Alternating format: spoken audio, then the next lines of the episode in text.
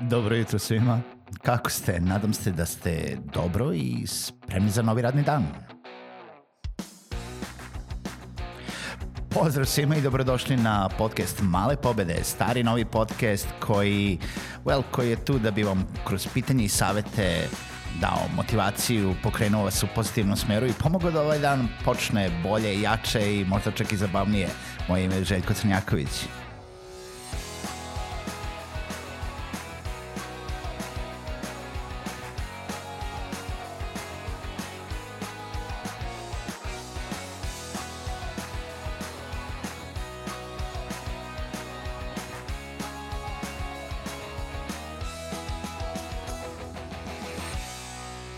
Pozdrav svima, dobro jutro i dobrodošli u novu epizodu podcasta Male pobede.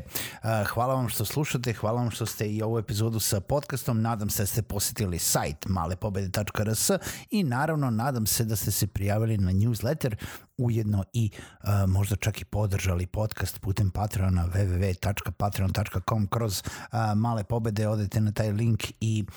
pretplatite se E, na malu podršku za, za ovaj podcast. E, juče smo pričali um, o tome kako treba da razumete tržište, uh, jel na osnovu čega ljudi kupuju danas i ukoliko niste poslušali epizodu, opet nekako se ponovo naslanjam uh, na jučerašnju epizodu, ova nedelja je takva valjda, tako da poslušajte sve epizode od ponedeljka uh, do danas. Svakako želim da pričam s vama u onom malom segmentu ukoliko još niste počeli da osmišljavate uh, svoj proizvod ili uslugu ili ukoliko želite možda da planirate nešto novo. Uh, kao tako, ono što sam primetio i sigurno što ste i vi do sada primetili, a ukoliko do sada niste razmislili ili bar meni se desilo da, uh, da mi je sinulo nešto dok, tek kada sam razmislio o tom i kad sam počeo da analiziram, jeste da zapravo svako kreira uh, svoje proizvode i usluge u okviru onih ne samo znanja i interesovanja, nego onih segmenata tržišta, onog iskustva koje već posjeduje na neki način. I šta po time mislim? Pa po time mislim da, recimo, u, kao primer, kada sam um, pokretao bilo koji posao u poslednjih pet godina, svaki put kada mi je nešto palo na pamet, neki novi projekat, ne samo posao, je to bilo na neki način povezano sa nekim digitalom. Da li je to bilo jel da, naslonjeno na digitalo, pa je to bio coworking, pa je to bila neka zajednica, pa je to bio neki online trening, pa je to bio podcast, pa je to bio, um, ne znam, online show, webinarijum, uh, da li je to bilo produkcija videa, da li je to bilo programiranje, dizajniranje, agencija, digitalne usluge, marketing, uh, bilo šta što je vezano na neki način za te pa sad bilo šta što se podrazumeva po terminom digital, a, a mnogo šta se podrazumeva po time, ali razumećete me šta hoću da kažem. U smislu kada mi je kolega u jednom momentu rekao, e, bolje da odemo i da otvorimo cvećaru ili uh, ja sam onda u tom momentu rekao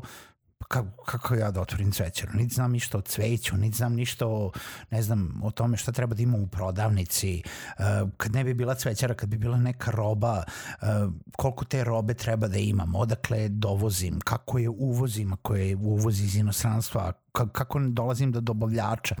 I tako dalje. Mislim, nije nemoguće ući u bilo koji uh, deo poslovanja ili u bilo koji način poslovanja ukoliko je to vaša želja i vaša potreba, ali jednostavno ja nisam imao uopšte u mom krugu ljudi bliskom uh, ko, sa kojim sam imao dodira, možda na svakodnevnoj bazi ili s kojima sam mogao da pričam tako da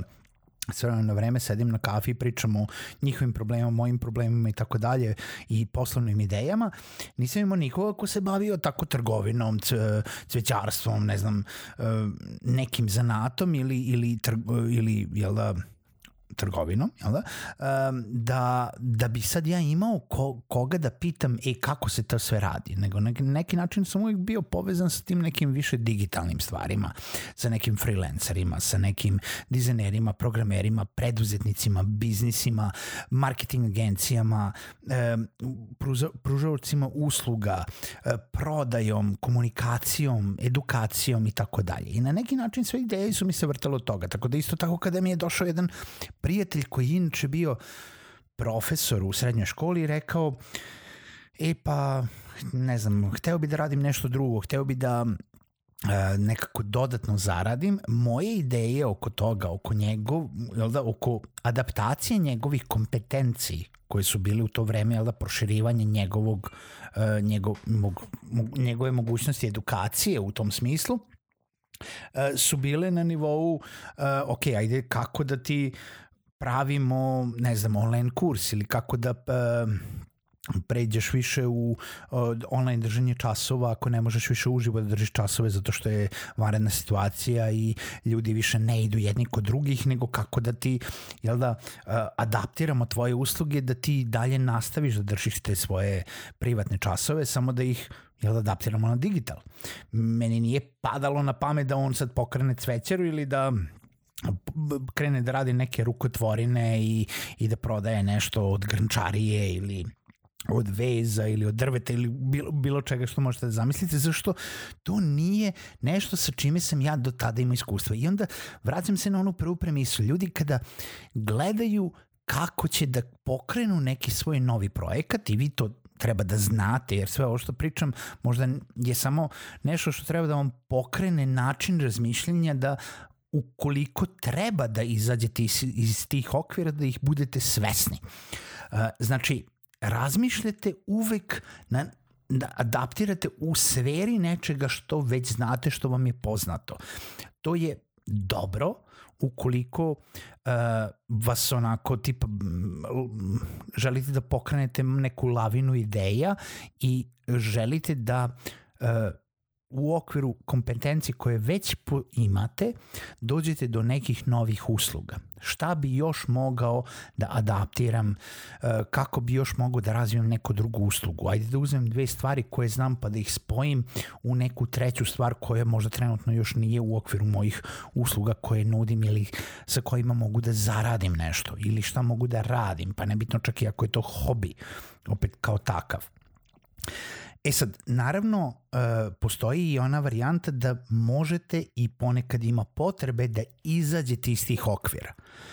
Znači, na primer, e, ukoliko želite da proširite svoje poslovanje iz digitala u realni svet, ukoliko želite da radite dropshipping, ukoliko želite da e, krenete da razvijate taj dropshipping, pa ne bude samo dropshipping, nego dropshipping sa lagerom i tako dalje,